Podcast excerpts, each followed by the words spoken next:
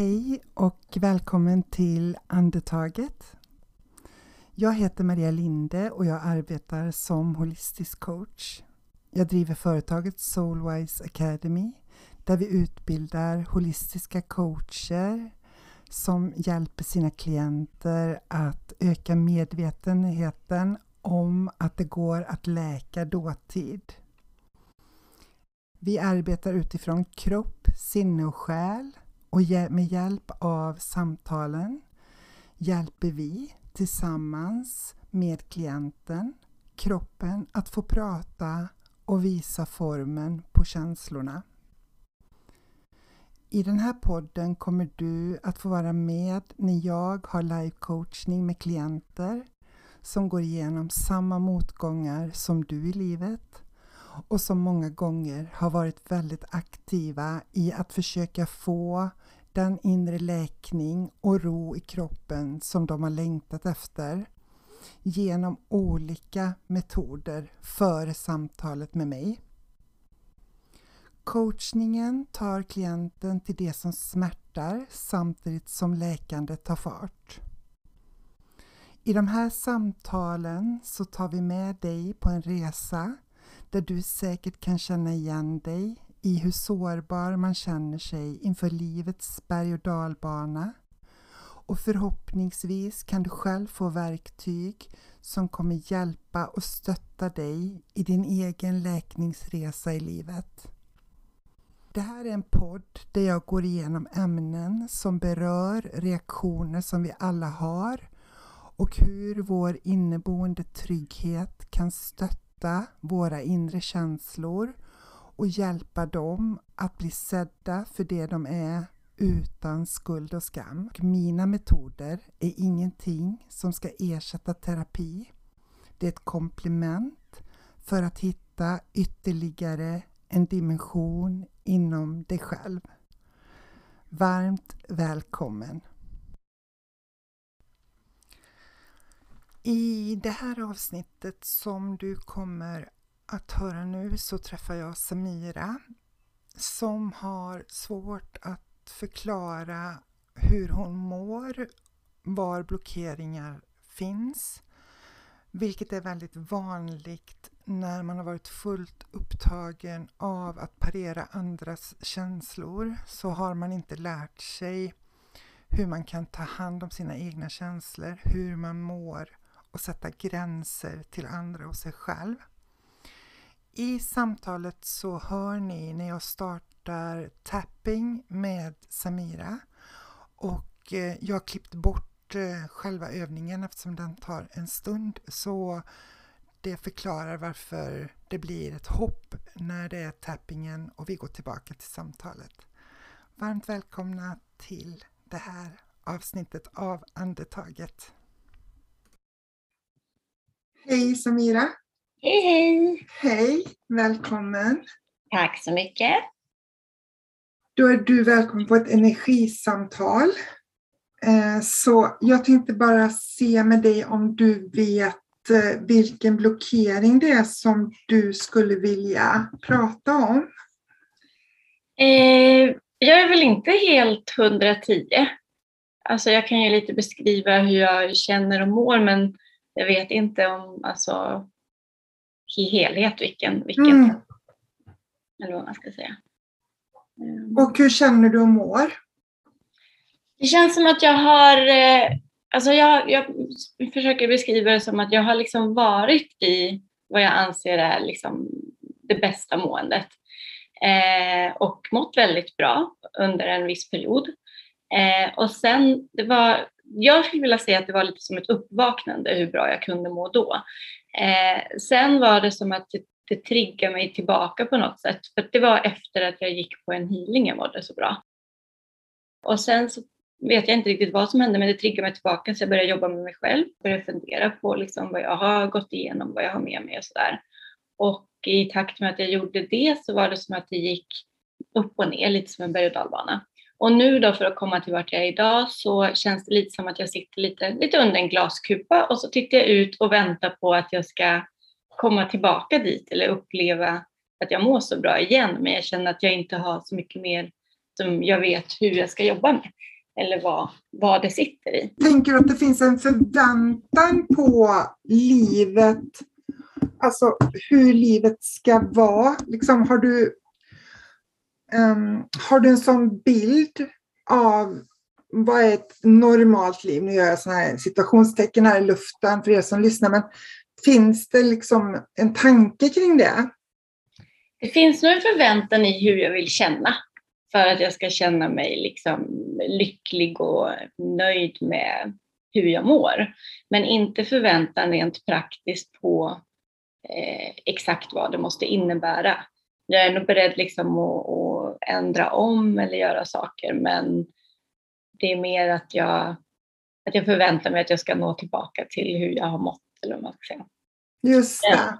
För det måendet kände jag inte var, det kanske var det, jag vet inte, men det kändes inte som att det var situationsbundet till en specifik grej, eller vad man ska säga.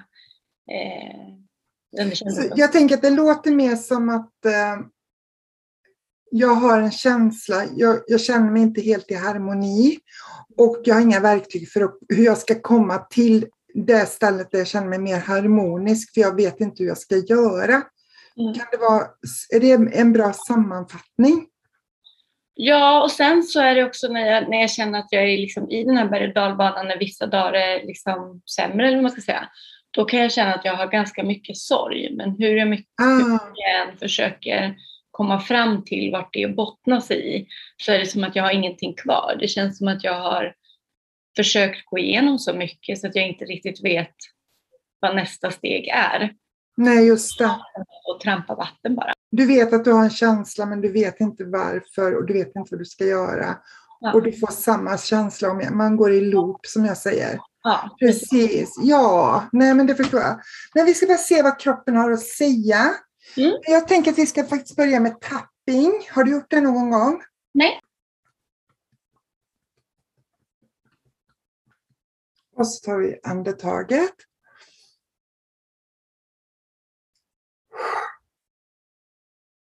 En gång till.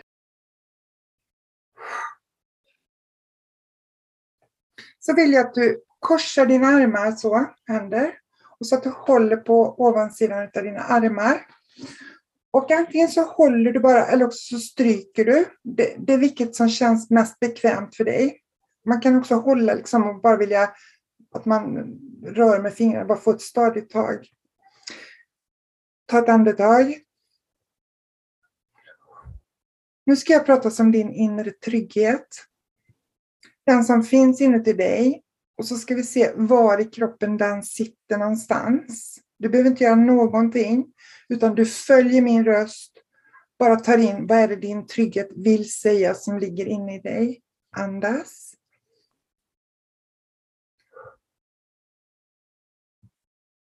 Jag ser dig. Jag finns här för dig. Jag lämnar dig aldrig. Jag vet allting om dig. Jag vet precis vad du har gått igenom. Både vad du har gjort och vad du har blivit utsatt för och hur ditt liv har sett ut. Och jag dömer inte dig för någonting. Andas. Jag älskar dig villkorslöst. Och jag håller min arm runt dina axlar och jag släpper aldrig taget. Jag går med dig dag som natt. Jag finns alltid vid din sida och jag är redo att ta hand om dina känslor och jag är redo att finnas för dig. Andas. Jag älskar dig så mycket och jag kommer vara med dig tills du tar sista andetaget på jorden, för jag kommer aldrig lämna dig. För jag är din trygghet och jag bor hos dig. Andas.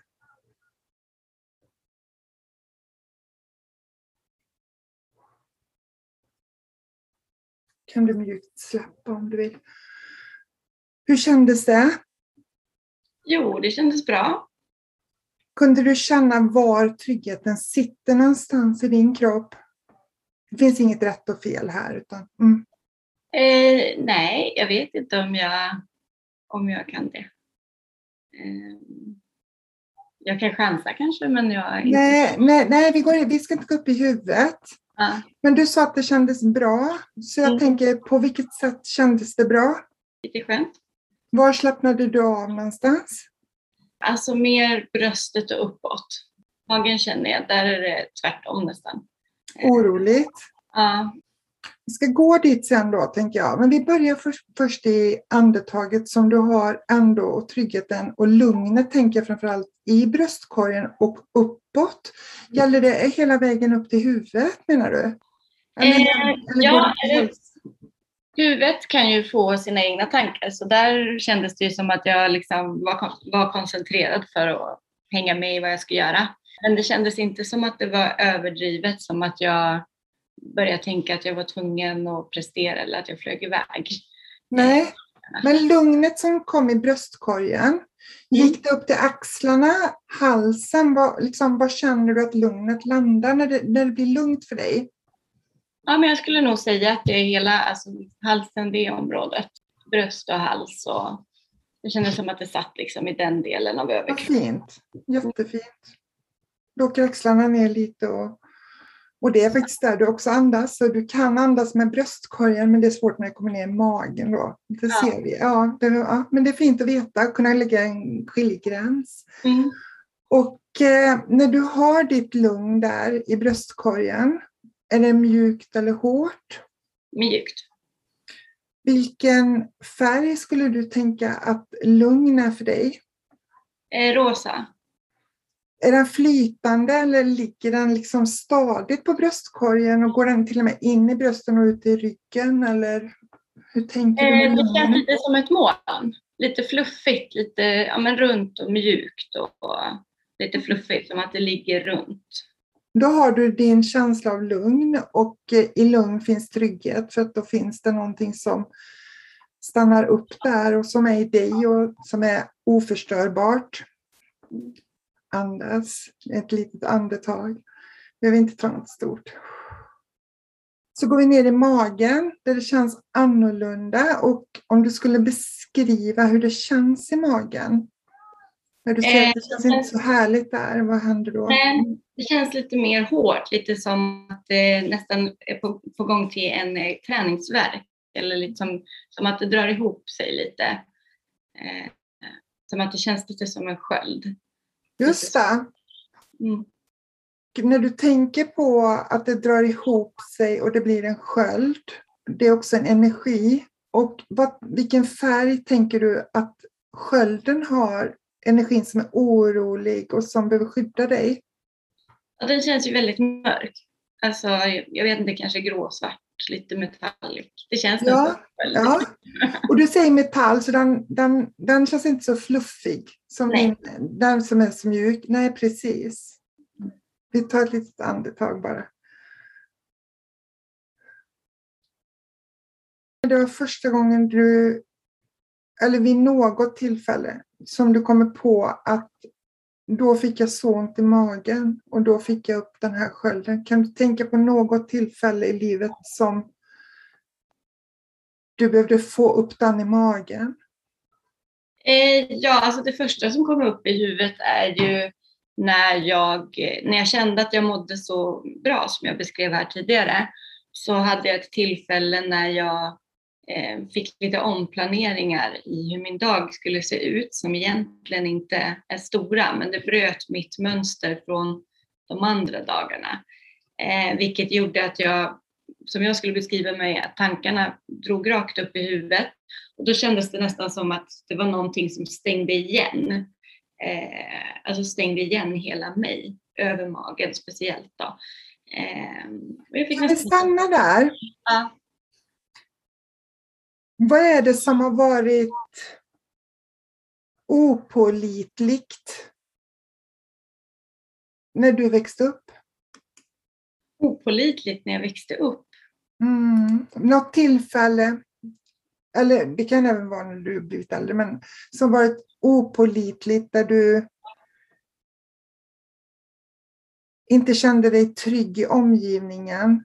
Där det hände saker som du inte kunde styra men du ändå var tvungen att vara där kanske.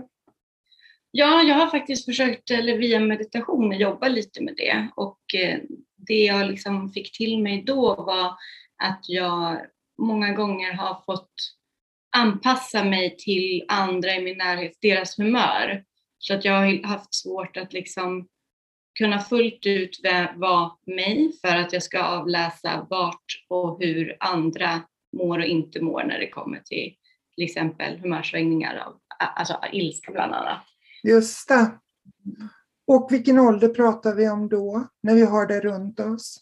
Alltså då pratar vi ju om yngre än tonåren skulle jag vilja säga. Det börjar, börjar... När man inte kan bestämma, man kan inte gå in i sin egen lägenhet. Man måste vara i omgivningen och man behöver överleva. Precis. Man behöver få mat på bordet och man ja. anpassar sig så mycket för att mm. kunna få vara kvar där. Mm. Andas. Och jag tänker att den tjejen, Samira, som var i tonåren och som var där, eh, hon hade ingen kontakt med den här tryggheten som vi pratade om i början när vi sa det, jag finns här, jag lämnar dig aldrig, och tar hand om dig. Mm. Eh, utan då blev det du som fick parera istället. Och då blev det fröet till den här skölden som jag tänker att du har i magen nu som gör det svårt för att eh, din kropp förstår ännu inte att det är du som har möjligheten att ha både veta vad som händer och inte veta vad som händer och att du klarar det. Mm. Det händer ingenting i ditt liv, du klarar det. Men då, då kunde du inte klara det. Kan vi ta en viss speciell situation där du ser hur diskussionerna går igång runt dig och där du parerar det? Och som du bara skulle kunna se om du kan se dig själv i det ögonblicket? Eh, en viss speciell situation. Jag skulle vilja säga att det finns jag, jag, kan inte tänka på en specifik, men jag kan tänka på många, om man säger så. Eh, jag tror att jag alltid har avläst andra för att veta vad jag ska säga och inte. Inte det jag håller tillbaka på vad jag vill säga idag, men det finns alltid en, en avläsande faktor eh, i många situationer av vad jag känner att jag vill berätta eller inte vill berätta. Just det. Men om vi försöker, en av alla de här många situationerna, om vi bara försöker se liksom Samira 13 år, vi mm. säger bara en ålder.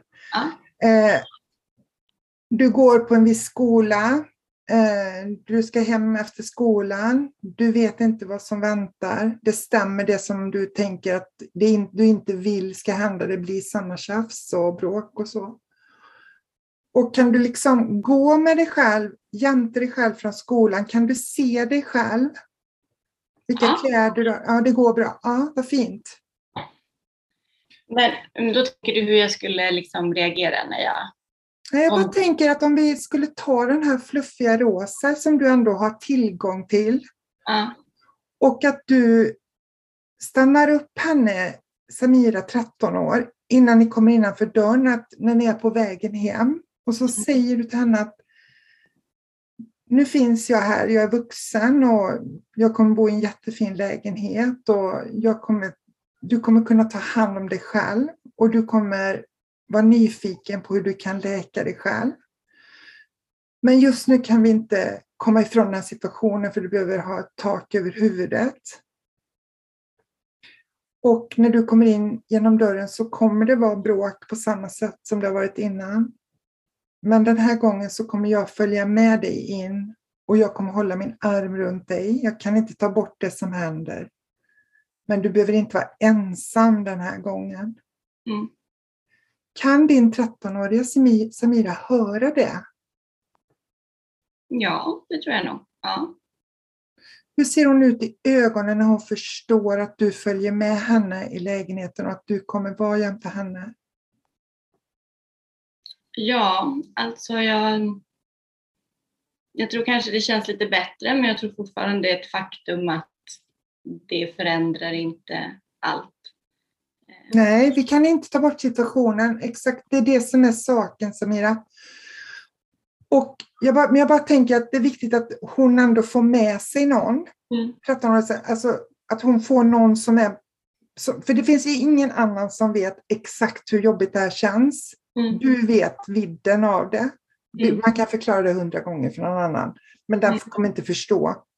Så att när du pratar med 13-åriga Samira så förstår hon det. Alltså hon Mm. förstår att hon vet att du Ja. förstår hur jobbigt hon tycker det är. Och jag bara tänker för att hon ska få den lättnaden, för hon kan ta med sig den hela Mm. tiden. Och då kan vi nästan se början på den här skölden i magen. Den är ju ganska stor i vuxenlivet. Hur stor är den som 13-åring? Ja, jag skulle nog vilja säga att det känns som att den är den känns mindre fast runt hela mig, om man kan säga så. Ja, absolut. För det, det finns ju en uppbyggnad i den. Ja, Precis, det är det som händer, att den blir större och starkare, rädslan och behovet av att försvara så. Och det här fluffiga i bröstet och hjärtat och tryggheten och kärleken och dina visioner och utforska din trygghet har ju inte fått det utrymmet. Mm. För man har ju så fullt upp med att bara överleva när det Mm. blir sån påfrestning, tänker jag. Men vi kan ändå se det fanns, en, det fanns antagligen en tidigare början än 13 år. mm. Ja, det var liksom inte fröet så att säga där, utan det fanns ännu tidigare. Så jag bara tänker att om vi tar den här skölden, som vis, alltså det är rädsla som visar sig så här, otillräcklighet, att inte bli tillfrågad. Hur vill du att din dag ska se ut när du kommer hem från skolan? För vi vill stötta dig i det i så fall. Det var ingen som frågade det, utan du fick göra det bästa av din situation. Men jag bara tänker att om vi försöker att ge den här skölden som behövde visa sig och som behövde ta hand om dig. Säga att nu vill vi ta hand om dig med den här fluffiga energin, den här trygghetsenergin. Vi vill att de två ska börja in- integrera med varandra. Mm. Att de ska försöka nå varandra. Och det kan nästan vara svårt när man är så upptagen av att överleva att man tror att någon ens kan hjälpa en. För det, det, det har inte hänt innan eller folk har svikit eller de sa att de skulle hjälpa men så försvann de eller det blev brustna relationer och så. Men den här fluffiga rosa delen som du har inom dig är ju ändå någonting som är i dig och som är stadigt och som finns hos dig. Så jag tänker att om vi tar den som är i magen, skölden, Mm. och så bara om du kan se det framför dig, hur du lägger ut den framför dig och bara låter magen få vila lite. Mm. Går det bra? Ja. Ja. Och så tar vi den här fluffiga delen som är fylld av kärlek, trygghet, harmoni, som har någonting att ge, som inte kräver att kontrollen, om vi ska kalla den så, det här skyddet, behöver förändra sig. Utan vi bara visar så mycket kärlek för att den har behövt komma till. Och så lägger vi det runt och under skölden och bara låter den få ha en trygg energi jämte sig som inte kräver någonting. Mm. Jag är ett vittne till vad du går igenom kan man säga att den rosa energin säger. Jag står jämte dig och jag ser vad du går igenom och jag lägger min arm runt dig. Och nu ska vi göra det här tillsammans och det finns ingenting mer att vara rädd för. Andas.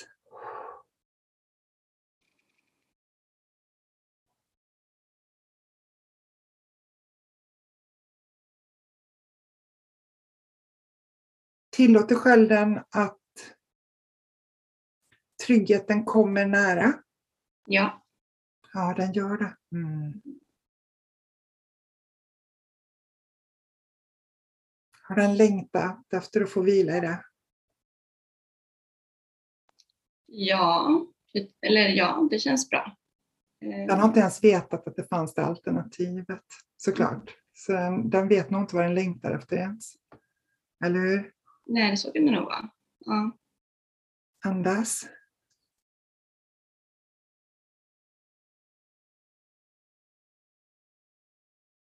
Och när de två får integrera, när kontrollen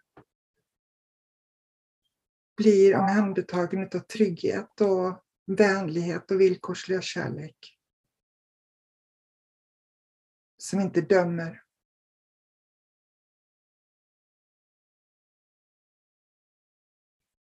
Vad vill kontrollen berätta då? Ehm. Ja du. Alltså, det, jag vet knappt om jag lyssnar på frågan längre. Förlåt, jag, jag, jag är mer inne på hur det känns. Ja, det är jättebra. Vi kan vara kvar där. Hur känns det? Nej, nej, men det känns bra. Det känns som att det finns mer plats och det var lättare att, att börja andas. Liksom. Det känns som att det, den släpper lite taget och lägger sig bortanför. Ja, och du är värd det, Samira. Du är värd att få lättnader. Det är så. För att eh, vi behöver liksom, kroppen behöver bara få vara en stund. Och eh, då, för att den ska börja återhämta sig. Så att jag tänker att det är superfint. Mm. Och jag tänker att om man skulle se på kontroll som finns i ditt liv idag och om du skulle använda dig av den här känslan runt, för det är skillnad på ett frö och på den här som har byggts upp under många år. Så jag tänker att om det händer någonting idag, du går på ett café, eh, du tänker att du ska ta saker på ett visst sätt säger vi och så blir det någonting som stör det. Kan du ge den här rosa energin, fluffiga energin till situationen att du känner kontroll. Jag förstår var jag kommer ifrån. Det är okej okay att jag inte får det i den ordningen jag tänkte. Jag älskar mig själv för att jag behöver bygga upp de här mönstren. Men jag lägger den här, min rosa trygga vackra energi runt det här tillfället. Ja, absolut. Det kan jag nog tänka mig att jag kan försöka i alla fall. Ja, och hur skulle det kännas att kunna ta med dig det verktyget? Jo, men det skulle nog kännas bra. Eh, jag tror att det skulle vara avslappnande. Mm. Att prova. Mm. Mm. Jättefint. Mm. Andas.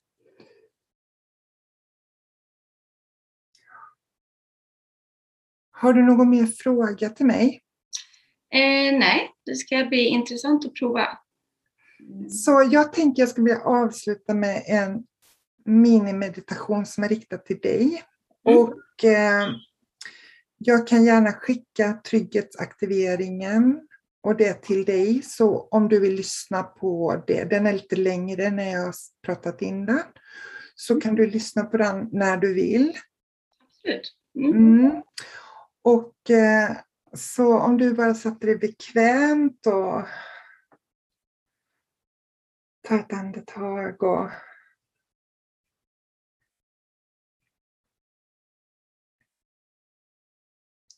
Vi ser hur den här rosa energin kommer uppifrån himlen och kommer ner i ditt kronchakra och bara rinner som ett mjukt moln ner i huvudet. Genom ansiktet ner i halsen. Ut i axlarna, ner i armarna, ut i händerna. Och den fortsätter ner i bröstkorgen och fyller upp hela bröstkorgen och hela magen. Hela ryggen ner till stussen, bäckenet. Och ut i dina ben. Och ner i fötterna.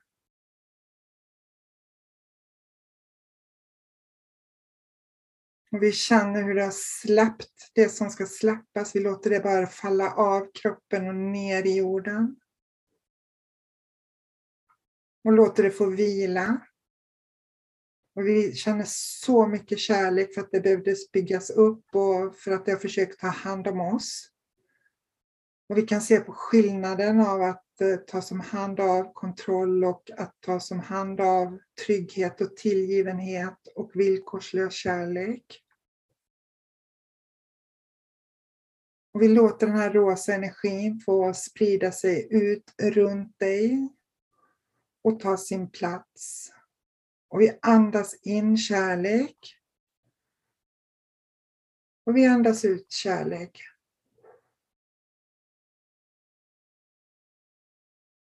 Andas in kärlek. Andas ut kärlek.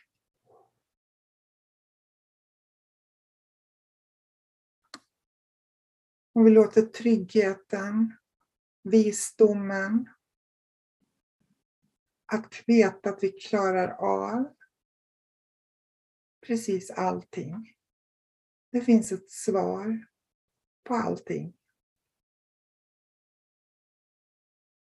Och att du med din trygghet kan våga utforska ditt liv på ett annat sätt igen.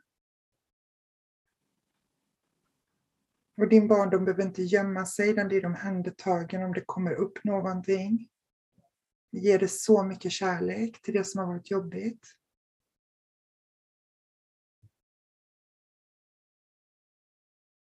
Vi ser det lilla barnet inom oss som behöver den här armen runt sig och att bli sedd i det jobbiga som vi inte kan förändra att det har hänt. Men vi kan vara den bästa vännen i världen till lilla Samira när hon upplever det.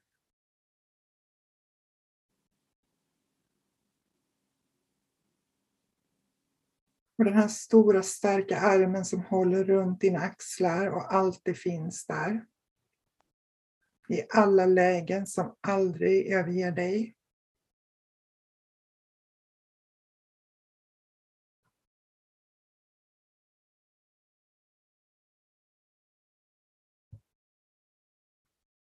Du är trygg. Jag ser dig. Jag lämnar dig inte. Jag finns här alltid för dig. Jag älskar dig villkorslöst. Det var din rosa energi om och om igen. Berättar för dig och läker dig. Andas.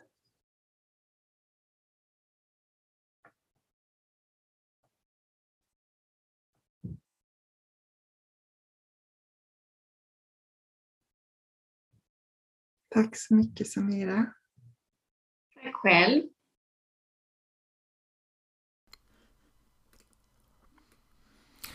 I det här avsnittet pratade Samira om ovissheten och kontrollen som hon har behövt skapa.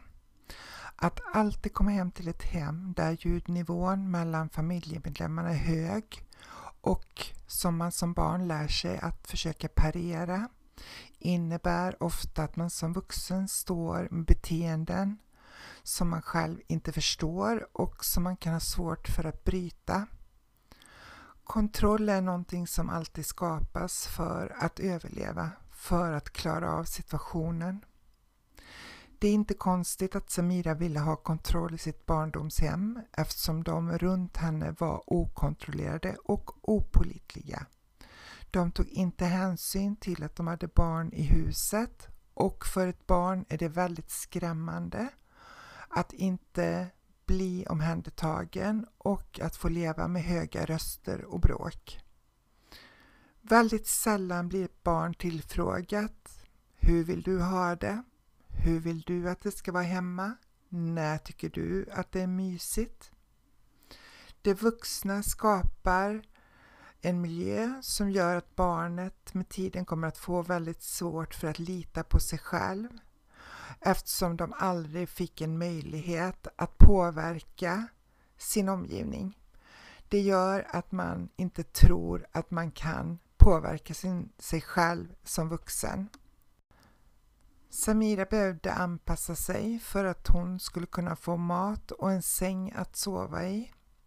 Hon skapade antagligen flera strategier för att hålla sig så mycket som möjligt utanför det dysfunktionella som hon såg. Det fina är att Samira söker svar. Varför mår jag så här? Det händer det här. Jag upplever en liten sak och den tar mycket på min kropp. Någonting blir inte som jag planerat och eh, min värld vänds upp och ner på. Vad är det som händer? Varför blir det så här? Och bara man, att man är på den resan innebär att eh, man börjar öppna upp för att kroppen ska kunna prata och det finns lösningar på det här. Men det som är stort och många gånger svårt är att nu ska hon lära sig någonting helt nytt. Hon ska lära sig någonting som hon aldrig fick hemma eftersom hennes föräldrar inte var medvetna och inte förstod att eh, deras beteende skapade de här olika beteendena i barnen hos dem. Och eh, att utforska det är ett spännande arbete men det är också någonting som man är rädd för och som kroppen är rädd för för vi är rädda för våra känslor. Och vi kan bara vara rädda för våra känslor när vi tror att vi inte kan ta hand om dem. Så hela tiden är att vi behöver komma tillbaka till att jo, vi klarar av att känna, vi klarar av att ta hand om det. Om vi bara får verktygen för att få fram tryggheten, Känslor kan inte läkas med tankar. Att utforska det är ett spännande arbete men det är också någonting som man är rädd för och som kroppen är rädd för för vi är rädda för våra känslor. Och vi kan bara vara rädda för våra känslor när vi tror att vi inte kan ta hand om dem. Så hela tiden är att vi behöver komma tillbaka till att jo, vi klarar av att känna, vi klarar av att ta hand om det. Om vi bara får verktygen för att få fram tryggheten. Känslor kan inte läkas med tankar utan enbart med eh, trygghet och kärlek. Trygghet och kärlek. Enbart där kommer känslorna kunna landa tryggt och de kommer kunna få existera och visa sig precis som de är. Kroppen har resurser att göra jobbet med att läka och ta hand om de rädslor som har skapats och som egentligen inte existerar i nuet. Det är ett otroligt spännande arbete som man gör med sig själv och belöningen är så stor. Och jag tyckte det var så fint som Samira sa i slutet att nu ska jag tänka på allting. Hon reflekterar. Hon vill ta en stund och se vilken av de här bitarna vill jag ta till mig just nu och vilken vill jag vänta med och vad kändes bra, vad kändes mindre bra. Att bara kunna göra en reflektion. Vad innebar det här samtalet för mig?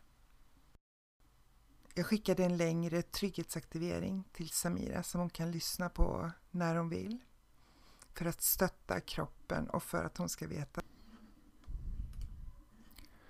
Nu över till någonting helt annat. Vi öppnar upp för nästa kursstart av utbildningen Diplomerad holistisk coach. Det är en utbildning som bygger på allting runt dessa energisamtal som du hör här. Utbildningen startar den 1 september och det är undervisning två gånger per vecka under åtta veckor. Det finns 20 platser, så det är 20 elever som vi tar in max. Vi väljer att ha en mindre grupp eftersom vi får olika frågor allt eftersom och vi vill kunna svara på det. Det är en helt unik utbildning eftersom det inte finns någon annan som idag utbildar på just det här sättet som vi gör. Och en dag i veckan är det holistisk utbildning och den andra dagen är det sociala medier. Varför sociala medier tänker du? Jag kommer tillbaka till det.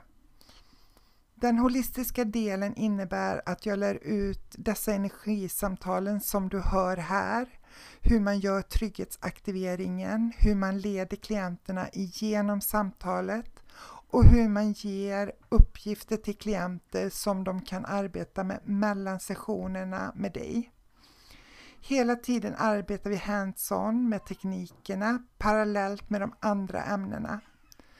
De som utbildar sig idag är flera stycken som kombinerar holistisk coach med deras nuvarande arbete som är allt ifrån oljor, örter, medium, healer, massör, yogainstruktör och så vidare.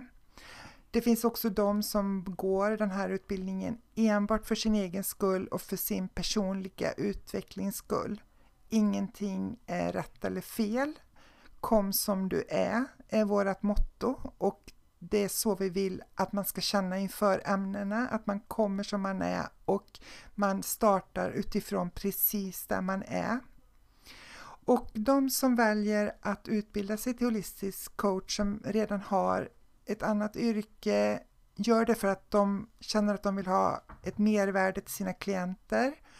De vill få hjälp med samtalsstruktur och hur man bygger upp eh, det som är runt omkring ett samtal för att det ska bli läkande till klienterna. Och några av ämnena som holistisk coach har är ju trygghetsaktiveringen och då är det flera olika tekniker som vi får lära oss för att kunna aktivera beroende på vilken klient vi har och för att vi ska kunna alternera Eh, för att väcka upp olika sinnen hos klienten trigger, så att sätta gränser, vad är det och varför behöver man förstå det? Det inre barnet, vad är det? Och hur kan man ta hand om det inre barnet? Hur kan man kultivera det inre barnet? Och hur kan man bli en mogen förälder till det inre barnet och ge den vad den inte har fått tidigare? Mammasåret, det handlar om klienter som har haft en mamma med bortåtvänd blick och som inte blivit sedda utav sin mamma. Vad beror det på och hur kan man läka det? Intuition och visdom, de holistiska kompetenserna och coachningens principer. Trygg i sin kropp, vad innebär det? Att reglera känslor. Övningar som läker nervsystemet. Vad är KBT och ACT och självcompassion? Bland annat. Sen har vi ju med sociala medier och eh, för mig är det superviktigt för jag vet vad det innebär när man lägger ner mycket tid på en utbildning och man går ut med eh, bravur för man har varit superintresserad av varenda ämne och man har verkligen satt sig in i det. Och så kan inte klienterna hitta till, till den duktiga personen och eh, coachen kan inte nå ut till nya klienter. Och för mig är det jätteviktigt att det blir ett fungerande företag, att man får grundförutsättningarna för att förstå vad det innebär att ha ett företag där man kan driva med sina sociala medier. Och ämnen som ingår i sociala medier är bland annat mindset, strategi, hur gör man en moodboard? Alltså hur skapar du en grafisk profil till dig själv? Hur fungerar Canva? Hur gör man för att planera sin innehåll på olika kanaler? Hur skapar man de bästa rubrikerna? Hur gör man en affärsplan? Hur skapar man kurser? Hur skapar man webbinar för att få mer klienter? Det här är en del utav det som ingår i sociala medier. Det är mer ämnen. Jag vill bara verkligen poängtera att det är inte obligatoriskt utan det är för dig som verkligen känner att du vill ha den här delen också med dig. För att jag vill verkligen stötta dig på din resa som en blivande holistisk coach och att du vet hur du ska kunna ta hand om din marknadsföring och kunna känna att du har kontroll över den. Så är du en av de här 20 som ska gå din utbildning från 1 september så går du in på soulwiseacademy.com och bokar din plats. Hjärtligt välkommen! Ha en bra dag! Hej!